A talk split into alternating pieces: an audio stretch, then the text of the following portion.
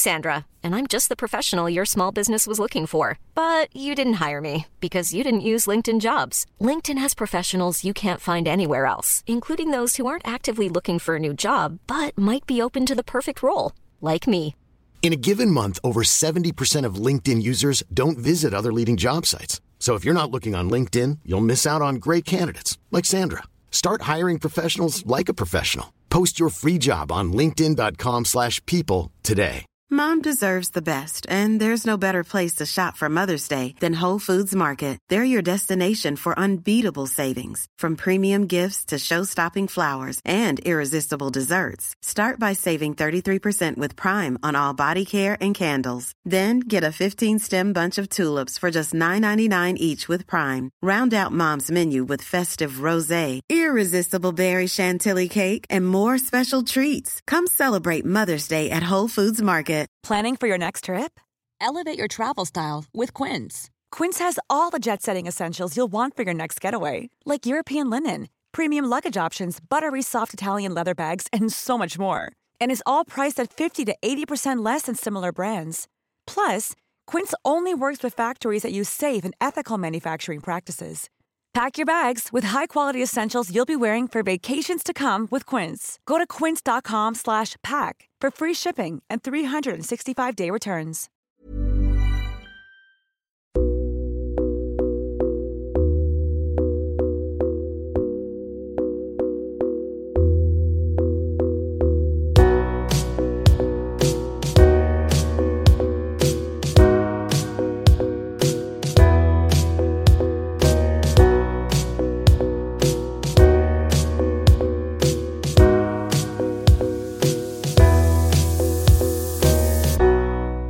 Du lyssnar på Säg vad du vill Åland, en lokal podcast med fokus på fria samtal. Jag heter Jannik Svensson och producent för podden är Didrik Svan. Vår podd består av mastodontsamtal. Vi vill ha långa samtal eftersom vi då får chansen att verkligen gå in på djupet. Idén är att fokusera på fria samtal. Det här är ingen debatt eller någon form av duell där det finns en vinnare och en förlorare. Det här är ett samtal där vi lägger fördomar åt sidan och där målet är att minska polariseringen. Vi tror att öppenhet är grunden för det demokratiska samtalet och vi vill uppmuntra dig som lyssnare att välja att exponera dig för samtal med någon du inte håller med om, hur triggad du än blir.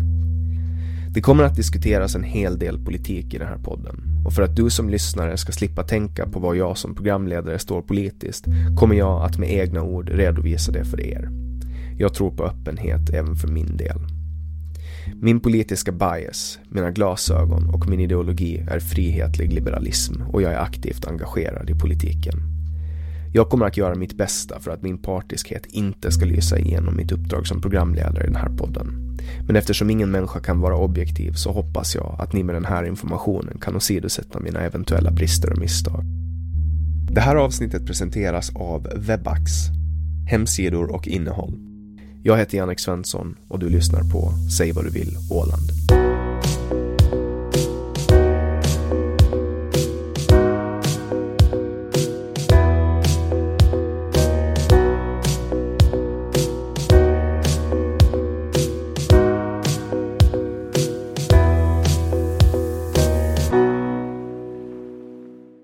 Vår gäst idag är Ålands i särklass mest populära politiker efter att i förra lagtingsvalet ha tagit all time high i röster då hon fick 841 personliga röster.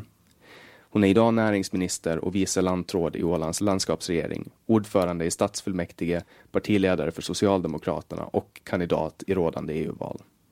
Förutom alla politiska titlar och mandat är hon fru, trebarnsmamma och matte till hunden Molly. Varmt välkommen till Säg vad du vill Åland säger vi till Camilla Gunell. Tusen tack. Tycker du att den beskrivningen stämmer bra överens? Ja, det gör den. Vilken är du mest då av alla de här sakerna? Ja, jag tänker på hur länge jag håller på med politik så måste jag verkligen tänka på min dotter, för hon var, hon var ett halvt år, alltså väldigt liten, när jag blev invald i Ålands lagting 2003. Hon föddes den 8 mars 2003 på kvinnodagen. Var det planerat? Nej, men det var lyckosamt. Hon heter Irma och det är ett, ett väldigt starkt namn. Mm. Så, och nu är hon så gammal så hon börjar förhoppningsvis i Ålands Lyceum i höst. Och när jag ser på henne, då förstår jag hur länge jag håller på med åländsk politik, i 15 år. Var tanken att eh, du skulle ta de absolut högsta ämbetena som går att få på Åland när du började? Ja, jag har haft en, en känsla i mig och jag vet inte riktigt vad det är som, som styr oss människor till, till det vi blir och det vi väljer. Men på något sätt så kändes det som alla mina livsval på något vis klarna när jag klev upp i talarstolen i Ålands lagting första gången. Då kände jag att alla vägar har burit till Rom på något sätt. All erfarenhet jag har skaffat mig, det jag har gjort, vad jag har utbildat mig till, så förstod jag att det kanske var, det var dit jag var på väg hela tiden. Vad gjorde du innan du kom in i lagtinget? Eh, jag var journalist, eh, både på tidning och tv-redaktör, vilket är väldigt lärorikt. Man lär sig massor om samhället genom att eh, skriva om andra och, och lära sig hur samhället fungerar. Också vara nyfiken och, och våga ta kontakt, oberoende om det är en högt uppsatt person eller någon väldigt annorlunda människa. Att, att tala med alla, det är otroligt lärorikt. Var, var jobbar du någonstans? Jag jobbar, på, jag jobbar först som ungdomsredaktör på Ålandstidningen när jag var 19 år. Ett år som, som och det, det var kanske där det fick sin början. Jag kände under det året så fick jag igång skrivandet. Vilka år var det här då? Det var 20, nej, 1989. 89. Ja. Åren går så snabbt. Ja. Jag hade gått ut Luceet och, och eh, skulle nog ta ett, ett mellanår. Eh, och eh, jag valde mellan lite olika jobb, men så, så sökte de i början av september en ungdomsredaktör till Ålandstidningen under Ray Söderholm, som var då dåvarande chefredaktör. Och jag fick det där jobbet då. Och lärde känna förstås en massa åländska journalister som var aktiva då. Och det har jag stor behållning av än idag. Mm. Då är vi nästan kollegor, bara det att jag börjar jobba där. Vad blir det då? 15 eh, år senare. Just det. Ja. Men det tror jag var en, en, en, dörr som, som har öppnat många vägar för mig. Och sen började jag studera. Jag återkom till Ålandstidningen som kulturredaktör flera somrar. Och eh, sen när hade jag studerat klart i Åbo. Jag jobbade eh, ett och ett halvt år som tv-redaktör på ett program som heter Kustkanalen, som var ett regionalt magasin som rapporterar från Åboland och Åland. Och eh, när vi flyttade tillbaka sen, eller jag återflyttade till Åland, så då började jag jobba på Nya Åland och var mm. där en tid. Så Jobbar jag, du med Nina Fällman då? Då lärde jag känna för första gången Nina Fällman, ja. Och nu, nu är ni kollegor återigen. Ja. Men ni har varit på olika sidor för hon har ju skrivit, hon var ju ledarskribent och mm. chefredaktör. Ja. När du var lantråd förra gången. Ja. Så då har hon bevakat dig och nu ja. sitter ni i samma. Jo, nej vi har nog, vi har bedömt varandra från olika horisonter i många år kan man säga. Och vad var det du studerade då när du studerade? Jag studerar litteraturvetenskap, men jag har också på, ganska mycket på statskunskap och sociologi. Men sen, sen bestämde jag mig ändå för att jag var i grunden humanist. Jag upplevde att eh, jag lärde mig mer om samhället och om människan genom att läsa litteratur. Mm. Och, än, än att lära mig om systemen. Och, om allmän, om för, offentlig förvaltning och sånt. Så att jag... Eh, litteraturen var också ett sätt att, att uh, bilda sig, att uh, ta till sig stora mängder textmassor och ändå kunna vaska fram essensen, guldkornen. På ett, och, och, just den där förmågan att ta till sig mycket text på kort tid har också varit en, en sak som jag har haft nytta av i det politiska arbetet. Var det också genom litteraturen som du hittade din eh, politiska, din, ideolo din ideologiska orientering? Ja, studentlivet är ju väldigt mycket ett, eh, en tid när man hittar sig själv. Och studenttiden tror jag är väldigt formande för, för människor, vad de blir, vad de väljer.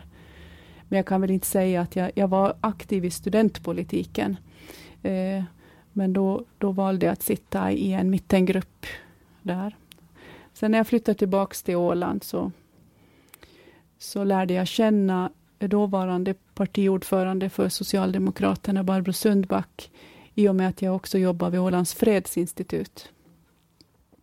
Och blev väldigt imponerad av hennes person och intellekt. Och när jag sen skulle välja parti så tittade jag på de andra partiledarna och så sa jag, nej, jag följer med henne. Så ledarskapet var viktigt? Ledarskapet var jätteviktigt. Hon hade så mycket att lära. Och från att du hittade till Socialdemokraterna, hur länge tog det innan du ställde upp i, i valet? Ja, första gången jag tog på mig beteckningen, eh, ett S efter mitt namn, så det var 99 när jag gick in som Socialdemokraternas representant i kulturdelegationen. Ställde du upp i valet det året? Nej, eh, så jag jobbade en mandatperiod med kultur och insåg då att eh, om jag ska bo i det här samhället, om jag ska ha barn som växer upp i det åländska samhället, då måste jag vara med och påverka det. Bara den kultursyn som jag mötte där bland vissa politiska företrädare, så gjorde att, att det här kan inte jag leva med. Då hade jag själv personligen jobbat, jobbat med Nordens institut med kulturproduktion. Eh, jag hade tagit utställningen Ecce Homo till Åland. Så min vilja var verkligen att bryta gränser, öppna upp, liksom få in nytt syre i samhället på alla fronter. Och, och, Det var det som var bra också med jobbet på Ålands fredsinstitut, för det var ett ställe som verkligen höll fönstret öppet mot omvärlden. Mm. Så att eh, modernisering, öppenhet, förändring i det åländska samhället, det, det måste bli, kände jag otroligt starkt de där åren. Och sen ledde det fram det till att jag kandiderade 2003. Mm. Hur många röster fick du det året? Första valet fick jag 136 röster, men Socialdemokraterna gick jättebra. Vi fick in sex mandat i lagtinget och röstmagneter då var Barbro Sundback och Lasse Wiklöf. Och de två blev på sätt och vis mina politiska föräldrar i, i partiet och vi hade otroligt roligt. Eh, Lasse Wiklöf är fortfarande en människa som jag tänker på med värme nästan varje dag. Och en väldigt viktig person för mig. Och eh, eh, ja, så jag kom in. Eh, och, men jag hann sitta i lagtinget bara ett år, därför att 2005 var det dags att kliva in här och bli minister. Mm. För utbildning och kultur. Ja. Ett år efter du klev in så föll regeringen och så blev du minister? Ja. Så att det som kanske gör mig helt unik i åländsk politik, det är att jag har varit invald i lagtinget i 15 år. Och av de åren har jag varit 11 år i regeringen. Så du vet egentligen inte så mycket om lagtingsarbetet? ja, jag, jag, eh, de år jag satt i lagtinget, eh, då hade mina tvillingpojkar precis fötts 2008. Jag var hemma med dem ett år och sen gick jag in i finansutskottet och i OHS styrelse. Och om man vill bli lantråd och, och verkligen leda Åland, då ska man ha just de erfarenheterna. Sitt i finansutskottet, där lär man sig att få en helhetsbild av budgeten. Vart går pengarna? Hur fungerar Åland?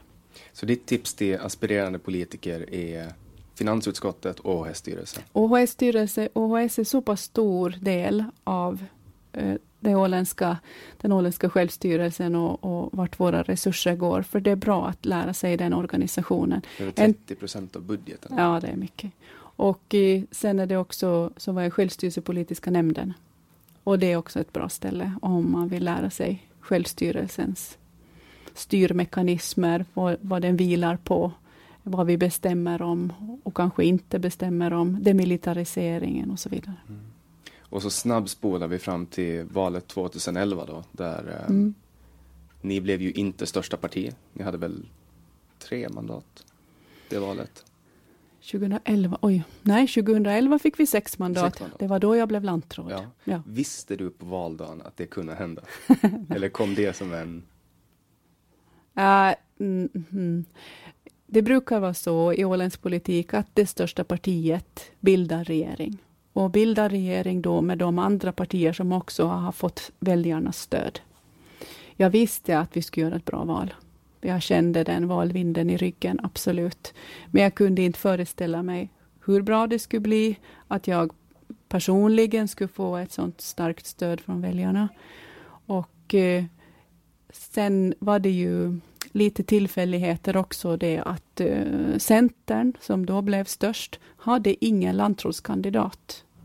De hade ingen given person som skulle bli lantråd och eftersom jag hade fått ett så personligt starkt röstetal så på valnatten föll nog orden i den riktningen, att det var en möjlighet. Och sen återkom du hit som lantråd? Ja, och då var jag jätteglad och jag skulle inte velat bli lantråd utan att ha suttit här ändå tre år mm. före det som kultur och utbildningsminister. Så man vet hur huset funkar. Hur är det att, att vara sin, sin första dag eh, som minister på jobb? Mm, ja, det är jättespännande. Och ibland efter många slitsamma år så kan man tänka, ja det var nog roligare att bli det än att vara det. Men det är spännande. Och eh, också att, att försöka hitta sin roll. Man är ju en del av en regering. Man får en avdelning som man ska lära känna. Det är väldigt mycket ny kunskap man måste ta in. Men det finns alltid någon som lär en? Mm, eh, det kunde kanske vara bättre mentorer nog här i huset. Och vi har ju heller inga politiska specialmedarbetare som hjälper oss och som jobbar politiskt med med innehållet och så, utan man måste vara väldigt självgående här. Finns det behov av politiska medarbetare? Jo, det skulle vara otroligt bra. För, och det är lagtinget som beslutar om det? Då? Nå, landskapsregeringen kan ju föreslå att man inför ett sådant system, men då ska det ju finansieras på något sätt. Och det har diskuterats väldigt mycket till och från. Den enda hjälpreda som lantrådet har, så är egentligen en sekreterarfunktion. Man så. har ingen annan hjälp. Som ni delar på eller? Mm. Mm. Alla ministrar. För det här skulle väl vara ett ganska bra sätt att få in eh, unga människor i arbete också, alltså i det politiska arbetet, att tillsätta medarbetare? Ja, det vore en plantskola för nya politiker. Det, vore, det skulle vara jättebra. Mm. Och du sitter också med som ordförande i stadsfullmäktige? Ja, det var väl en post jag inte riktigt hade tänkt få plats med i min tillvaro, men men nu föll det sig så under en period att, att det, blev en, det blev en sån öppning. Och eh, mina kollegor ville väldigt gärna att jag skulle ta den rollen. Men jag betonar starkt som en teknisk ordförande snarare än en politisk ledare för Mariehamn, för det skulle inte jag haft tid med. Mm. Jag har under den här mandatperioden haft den största, eh, den största portfölj jag någonsin har haft. Därför att jag har hela näringsavdelningen. Det är både det är näringspolitiken på Åland, det är arbetsmarknaden, det är fiskeri, eh, jordbruk, jakt. Det är väldigt mycket frågor som berör eh, näringsavdelningens område. Sen har jag dessutom miljö och så har jag energi. Så att jag har, jag har haft mycket jobb den här mandatperioden. Men grejen var att vi väldigt gärna ville att det skulle jobba med miljö och näringsperspektivet tillsammans, som en helhet. Och att inte de intressena ska stå emot varandra. Så att därför uppfann jag det här ordet miljönsamhet. Därför att jag menar att klart att företagen ska vara lönsamma, annars finns de inte. Men lönsamheten måste vila på det faktum att man respekterar miljön och planetens gränser och koldioxidutsläpp och allt sånt. Så att lönsamheten måste vara miljönsam i det längre perspektivet. Mm. Och det här är väl dina hjärtefrågor? Absolut. och miljö. Vilken är, vilken är den absolut viktigaste frågan för dig? Ja, alltså, mycket hänger ju ihop, men om man jobbar med hållbarhet och uh, så är det ju dels det att se till att människor är tillräckligt kapabla och starka att, eh, och lever ett sånt liv på en sån trappa i Maslows hierarki, att de är mätta, att de är trygga, att de har utbildning, eh, att de har också tid och kraft att utöver liksom livets nödtorft ändå engagera sig i sitt samhälle och, och skapa sig medvetenhet om hur man påverkar sin omgivning. Därför är ju de sociala, Eh, de sociala målen i hållbarhetsagendan så pass starka. Och, och, det är ju det som nu blir utmaningen också, att se till att man klarar den här gröna omställningen så att det inte ska ske på de fattigas bekostnad, eller de som kanske har belastat klimatet minst. Och det, där, det tänker jag på ganska mycket just nu, hur man ska hitta de nycklarna. Mm. Och du är också aktuell i, i rådande lagtings, eh, EU-parlament. Vad, mm. vad fick dig att ställa upp i EU-parlamentet? EU påverkar vår tillvaro så otroligt mycket. Eh, under de här åren jag har varit här i, i landskapsregeringen så, så har jag sett hur, hur mycket mer EU påverkar idag än vad det gjorde tidigare. Och hur ofantligt mycket tid och kraft det går åt här av politiker och tjänstemän och lagberedningen särskilt. Att hålla våra lagar i skick och att uppdatera dem efter alla, alla direktiv och bestämmelser som kommer från EU. Och det gör också att utrymmet för det som är åländsk självstyrelse, där vi själva kan sätta, bestämma saker, det minskar. På, dels både på tidsbrist, men också på att maktutrymmet förändras. Så att eh, jag tycker det är väldigt, väldigt viktigt att vi från regioner som Åland har en plats i EU, så att vi lär oss systemet och att vi kan vara med och påverka det. Och hur känner du att vindarna blåser just nu? Ja, jag tycker det är jätteintressant. Det blåser vindar både på Åland och i svensk Finland, vilket är spännande. Mm. Mycket, jag känner mig väldigt eh, uppmuntrad av reaktionerna i svensk Finland. Det kanske är lättare att bli profet någon annanstans än på hemmaplan, trots allt. Hur många röster behöver du för att komma in? Det vet jag inte. Det vet jag inte. Det beror på så många faktorer. Det beror på hur partiet går generellt. Det beror på hur, hur mycket de starkaste kandidaterna drar. Det beror på hur mycket helhetslistan drar. Sen beror det väl också lite på om Finland, om vi får tre platser, vilket ju är mest kanske realistiskt. Men får Finland 13 mandat eller får vi 14? Och vem får det sista? Så att det, det är många faktorer som är lite sådär öppna i det här spelet som gör det spännande. Hur optimistisk är du då?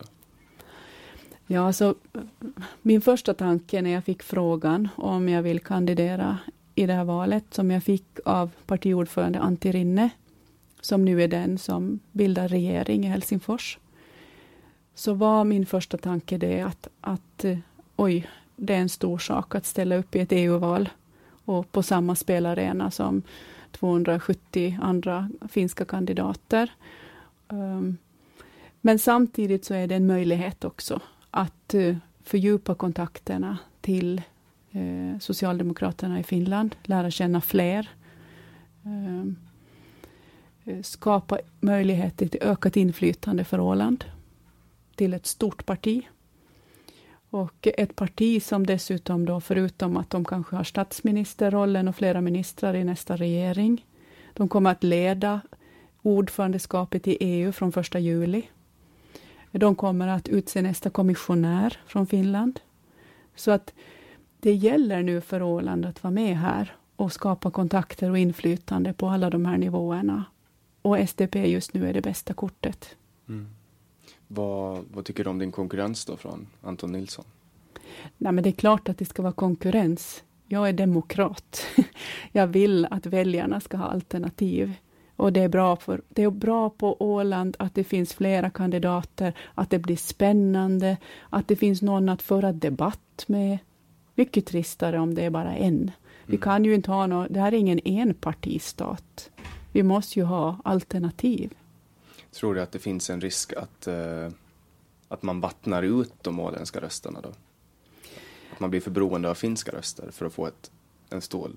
För det högsta idealet är väl att Åland skulle ha en egen representant? Mm. Japp, men, men är det då bättre att, att tro att man får den via SFP? Eller via SDP som kan få in tre? Uh, vi får, jag, jag välkomnar SFP på alla sätt. Vi har haft ett gott samarbete med Nils Torvalds, vi hade ett gott samarbete med Kalle Haglund. Det är jättevärdefullt. Så jag ställer inte upp mot någon annan, utan jag ställer upp för, för mig, för det parti jag kandiderar för och de värderingar jag står för. Och sen är det upp till väljarna. Är du optimistisk inför valet? Tror du att du får flytta till Bryssel? jag vet inte. Jag tar en sak i taget. Hur gör du då om du, om du flyttar? Tar du med hela familjen? Eller? Ja, jag har en son som är, särskilt en, som är väldigt hemmakär, så man får nästan inte nämna det här hemma för honom. Han, han vill vara här i Mariehamn med sina kompisar och han vill spela fotboll och han är nära till VHA. Så han hoppas på att det inte ska komma in? det gör han verkligen. Ja. Men det där måste man alltid se och anpassa till, till familjen som helhet. Men mm. eh, en sak i taget. Det här avsnittet presenteras av Webax, hemsidor och innehåll. Webax hittar du på www.web.ax, webb med två b. En sak som är väldigt viktiga för oss eh, som driver den här podden är eh, polariseringen och jag pratade mm. lite om det i början. Vad tycker du om, om debattklimatet? Hur, hur är debattklimatet idag? Menar du på Åland eller generellt? Eller? Generellt övrigt. Är det hårdare idag än när du började som politiker? Nej, den politiska jargongen, det är ju liksom spelregel nummer ett. Att politik är att ha olika åsikter. Om man vill vara här för att vara till lags eller vara överens med alla, då är det fel jobb. Om man, om man har väldigt stort behov av att bli omtyckt, så kanske man inte ska välja politik. Utan man måste vara medveten om att går man in i, den här, i det här spelet, då handlar det om att stå ut också med att det både är otäckt ibland, obehagligt, och att, att man kommer att vara oense med ganska många människor. Och en, en viss del av, speciellt på nätet, hittar man ju folk som tar det för långt och mm. där det övergår till hot och hat. Har du fått utstå något sånt? Väldigt lite faktiskt. Jag har ju några sådana här lite enerverande eh, personer som, som gärna liksom diskuterar och vill liksom ha reaktioner från mig och provocerar och så här. Men jag har inte upplevt kränkningar eller någonting sånt. Och eh, jag försöker bemöta människor så väl jag kan, men jag jag lägger ner också sen när jag ser att här är det lönlöst. Att jag tror inte, om jag inser att den här personen och jag kommer nog inte att komma överens, hur vi än skulle vrida och vända på argumenten, så då lämnar jag det. Och det tror jag man måste göra. Man kan inte vara alla till lags, man kan inte vinna allas förtroende, men man måste vinna tillräckligt mångas förtroende. Och, och framför allt så måste man själv tro på sig och den inre kompass man har och att den är riktig och att den visar en i rätt riktning. Sen är det, jag tror ändå att många väljare ser om man är ärlig, om man håller linjen, om man liksom vet vad man sysslar med, om man har förmåga att skapa förtroende och kontakter, bygga samarbeten, komma i mål och få resultat. Och sen också att man orkar stå för det man tror på och, och orkar arbeta. Det är jättemycket hårt jobb. Och det pratas ju också mycket om polariseringen och kollar man på till exempel Sverige som, som ligger ålänningarna ganska nära eh, så har vi ju sett att Sverigedemokraterna har gått fram jättemycket men även Vänsterpartiet gick fram under förra svenska valet. Vad tror du att det beror på att de här ytterkantspartierna får så mycket stöd? Ja, politiken tenderar ju att bli ganska diffus för de som inte är väldigt intresserade och följer väldigt noga. Eller är av hävd och, och tradition tillhör ett visst parti. Så ibland så, så, och jag tror att det är vår, lite vår tids tendens, att budskapen måste vara väldigt, på något sätt lite extrema för att ibland gå hem. Och det kanske gynnar gynnar ytter, ytterkanten. Sen, eh, sen tror jag också att eh, en del partier bygger sin politik, framför allt inom de högerextrema sidan, på människors rädslor.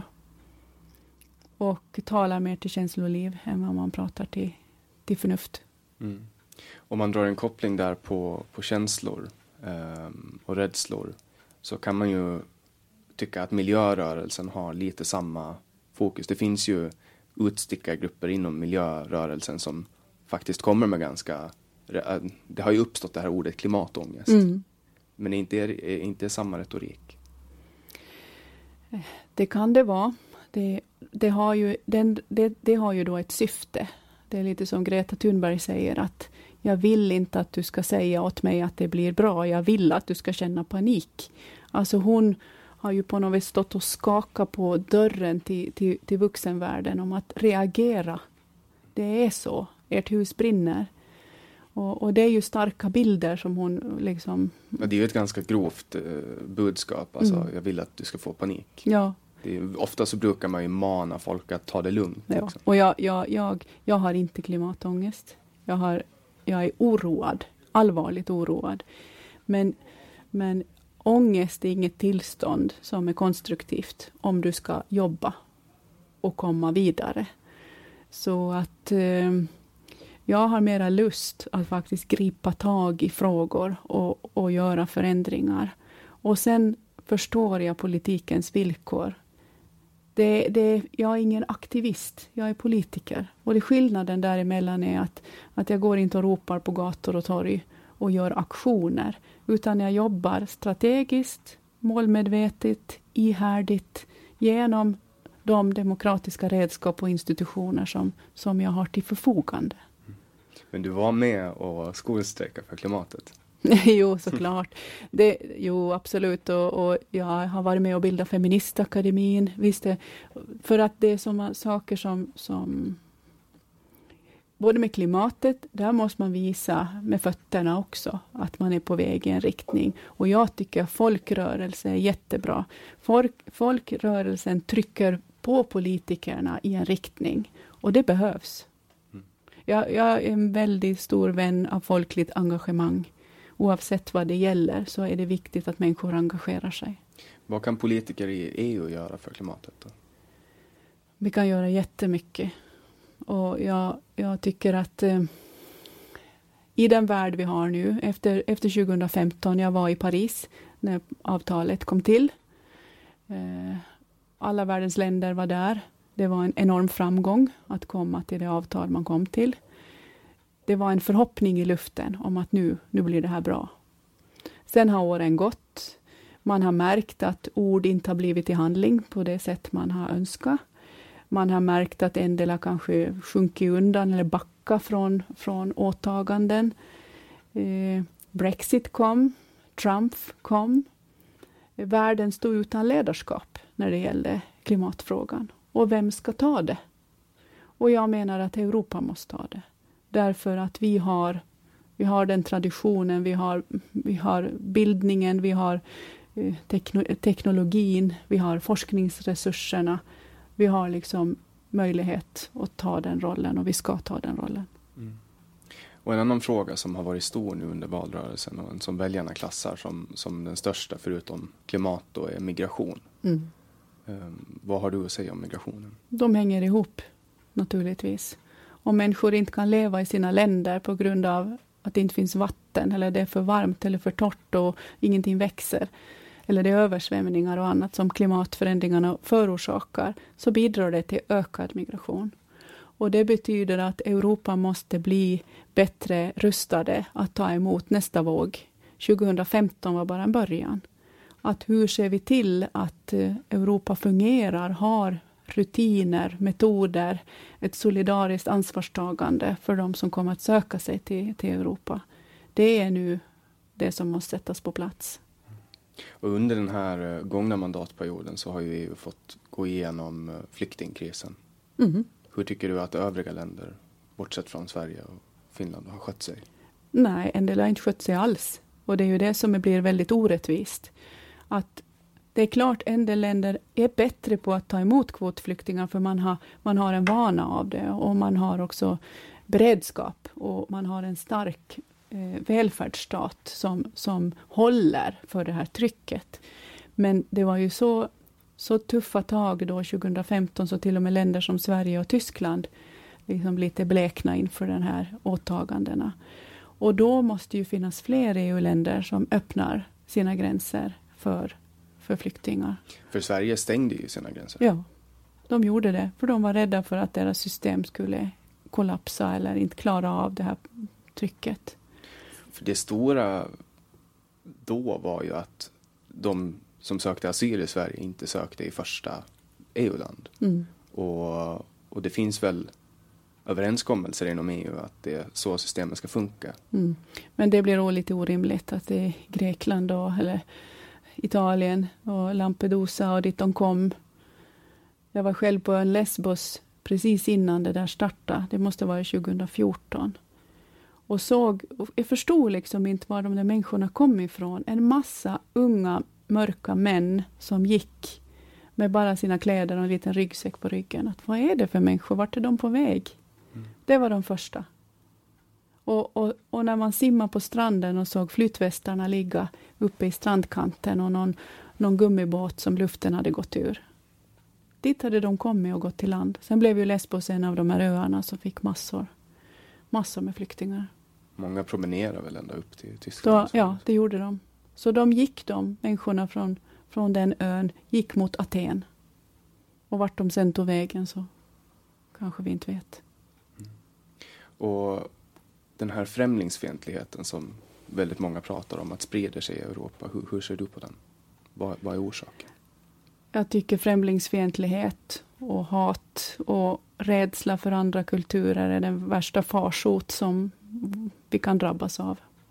Därför att människor, oavsett varifrån vi kommer och vilken kultur vi bär med oss, vilket språk eller religion, så är så lika.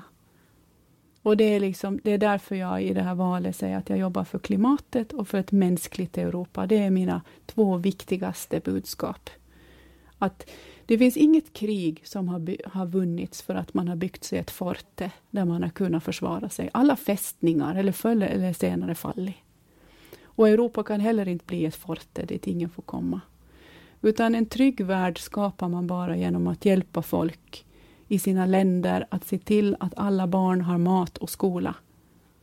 Och kan liksom växa upp och försörja sig.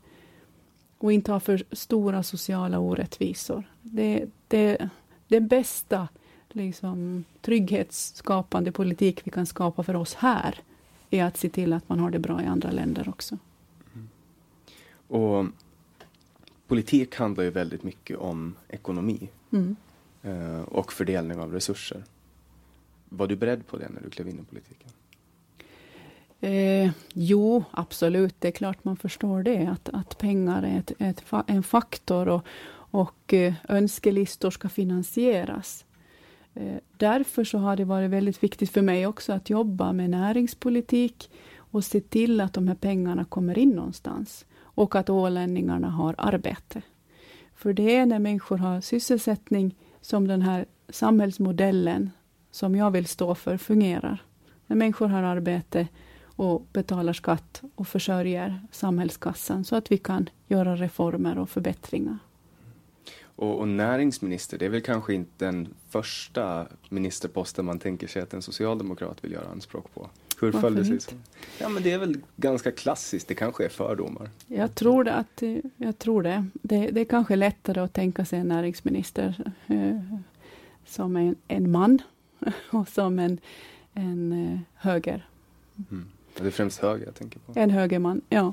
Men, men eh, arbetsmarknaden och att den har en plats för alla är väldigt viktigt socialdemokratiskt budskap.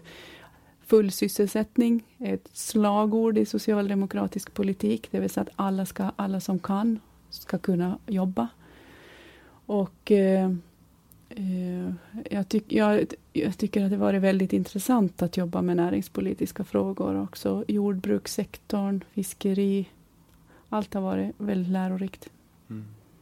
En annan sak som, som jag vill glida in lite på också är en fråga som pratas mycket om i Sverige. Eh, genus och genusforskning. Mm. Hur ställer du dig till genusforskning? Ja, alltså, eh, som sagt, jag var med och ska bilda Feministakademin 2021 jag tycker att, att eh, om vi pratar om jämställdhet, att vi inte är något annat område. Ja, jag, tänker, jag tänker mera, det har ju varit mina referensramar är ju Sverige, för att jag kan inte följa den finska politiken. Men i Sverige så har det varit en stor genusdebatt. Mm. Alltså med eh, könsnormer, mm. hela den delen. Ja. Så, och det är väl jämställdhet? Ja. Det är väl jämställdhet. Ja, vid sidan av, av feminismen så har jag också varit aktiv som, för hbtq-rörelsen. Min första slagord när jag kom in i det här valet 2003 var, eh, var ett brev riktat till den dåvarande gayorganisationen på Åland Vildrosorna med slogan Är du homosexuell, rösta på Gunell. Och det gick ju bra.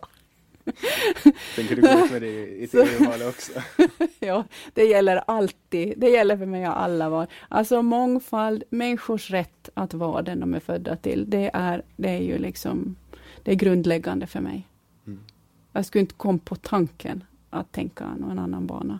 Och jag tycker att gayrörelsen, genusfrågorna, så har ju också liksom luckra upp det här, de här dikotomierna man och kvinna. Och det har liksom luckrat upp möjligheten att frigöra sig från det.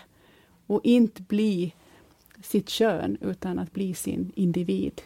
Och, och med, med den rätten att kunna sträcka på sig i sin fulla längd och utvecklas till den man vill. Fritt från andras pålagor och, och, och, och, och styrning. Mm.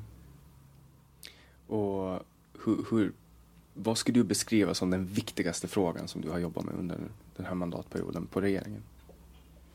Den här mandatperioden? Som näringsminister? Ja, ett projekt som gläder mig väldigt mycket, för vi fick en rapport från det idag. Så det, det är det att vi lyckades eh, skapa ett EU-projekt som rustar upp alla gästhamnar på Åland. Mm. Inte alla, men väldigt många. Och eh, det är så otroligt konkret. Vi får EU-pengar till, till, för 9 miljoner totalt. Det är också inte bara åländska hamnar utan också andra hamnar i, i Sverige, Finland, Estland.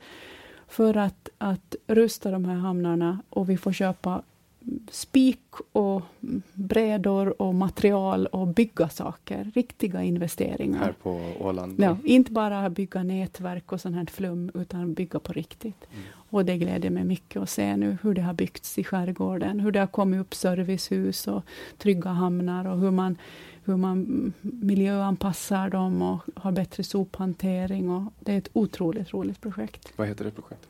Smart Marina och sen finns det ett till som heter eh, Seastop. Båda de två tillsammans så bildar en jättefin helhet. Mm. Så de har, den ena är EU-finansierat och det andra är? Båda är EU-finansierade. Det, men det, det, är en, det första projektet det har en mera, en, en, vad ska jag säga, det har en huvudman som inte är från landskapet, utan Smart Marina, där är jag mera mamma till det. Mm. Därför att det fanns pengar kvar i det här Central Baltic-programmet och vi kunde inte låta dem gå förbi, Åland förbi.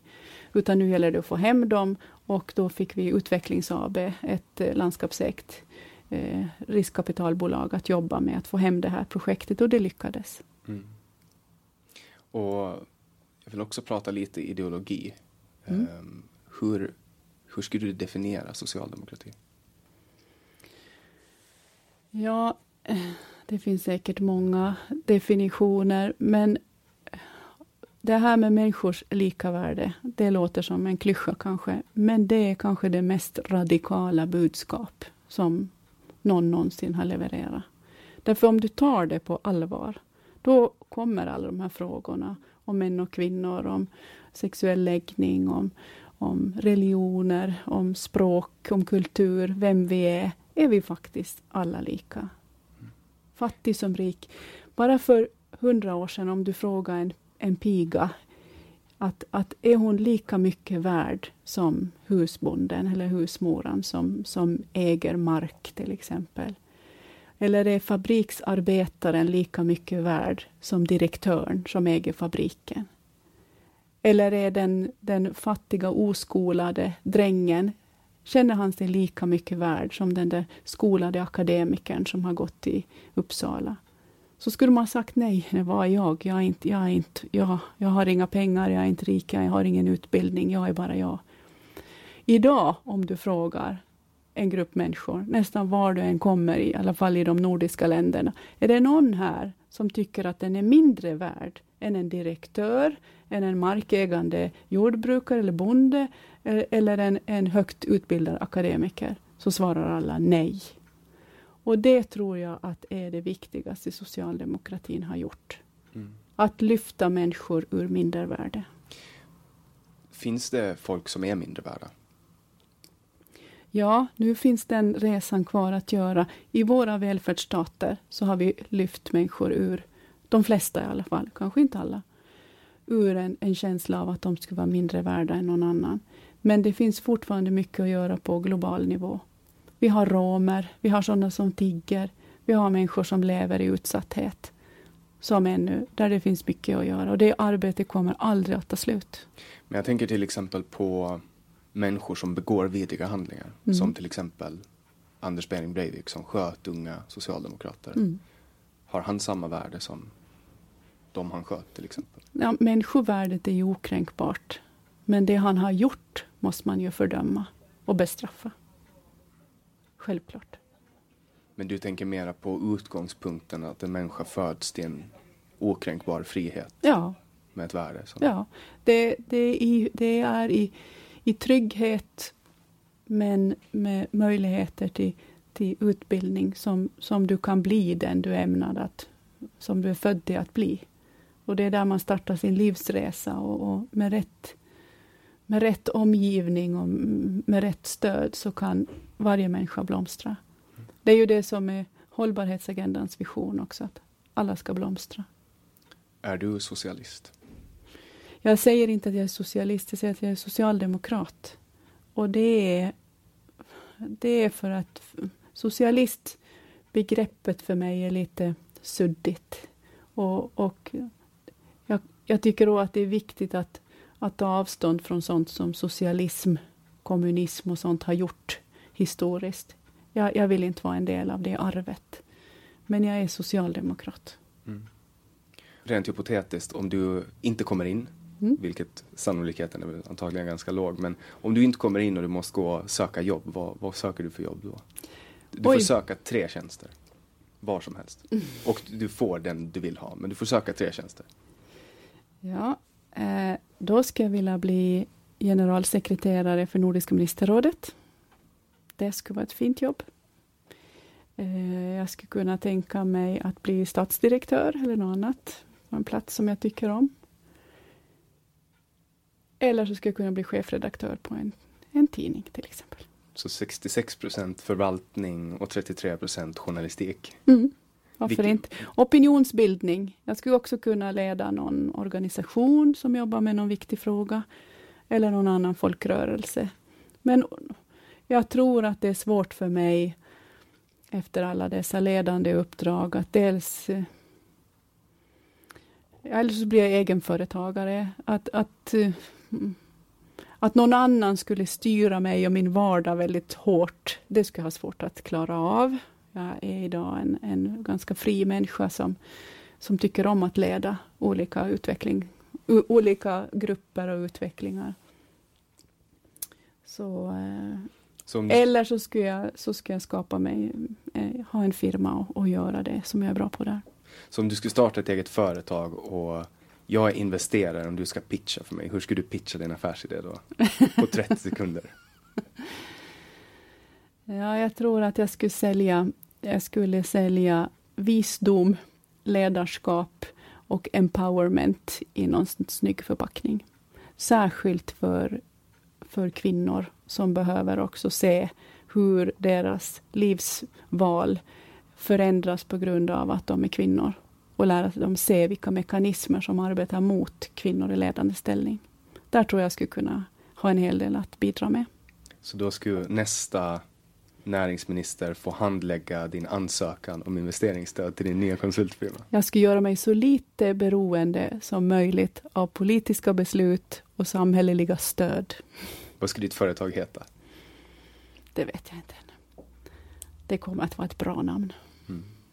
Det har varit jättekul att ta den här diskussionen med dig, samtalet, även om det blev lite kortare än vi hade hoppats på. Men eh, förhoppningsvis får vi hit dig igen för ett längre samtal när, när valet har lugnat ner sig och det finns mera tid att ta ur ditt schema.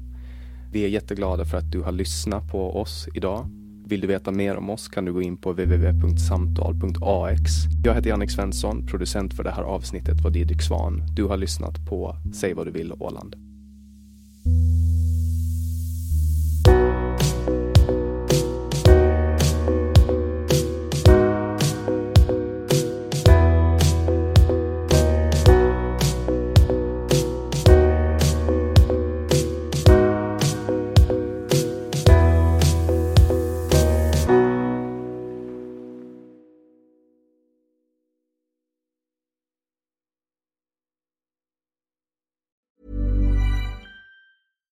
Deserves the best, and there's no better place to shop for Mother's Day than Whole Foods Market. They're your destination for unbeatable savings, from premium gifts to show-stopping flowers and irresistible desserts. Start by saving 33% with Prime on all body care and candles. Then get a 15-stem bunch of tulips for just $9.99 each with Prime. Round out Mom's menu with festive rosé, irresistible berry chantilly cake, and more special treats. Come celebrate Mother's Day at Whole Foods Market.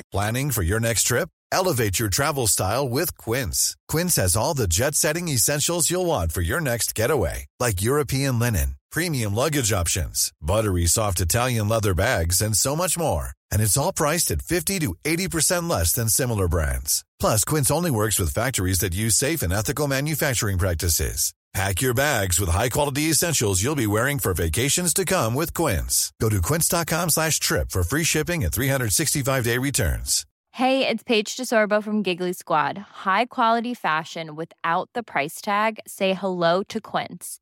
I'm snagging high-end essentials like cozy cashmere sweaters, sleek leather jackets, fine jewelry, and so much more. With Quince being 50 to 80% less than similar brands.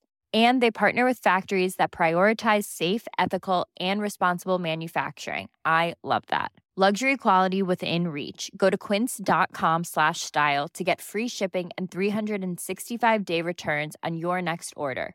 Quince.com slash style.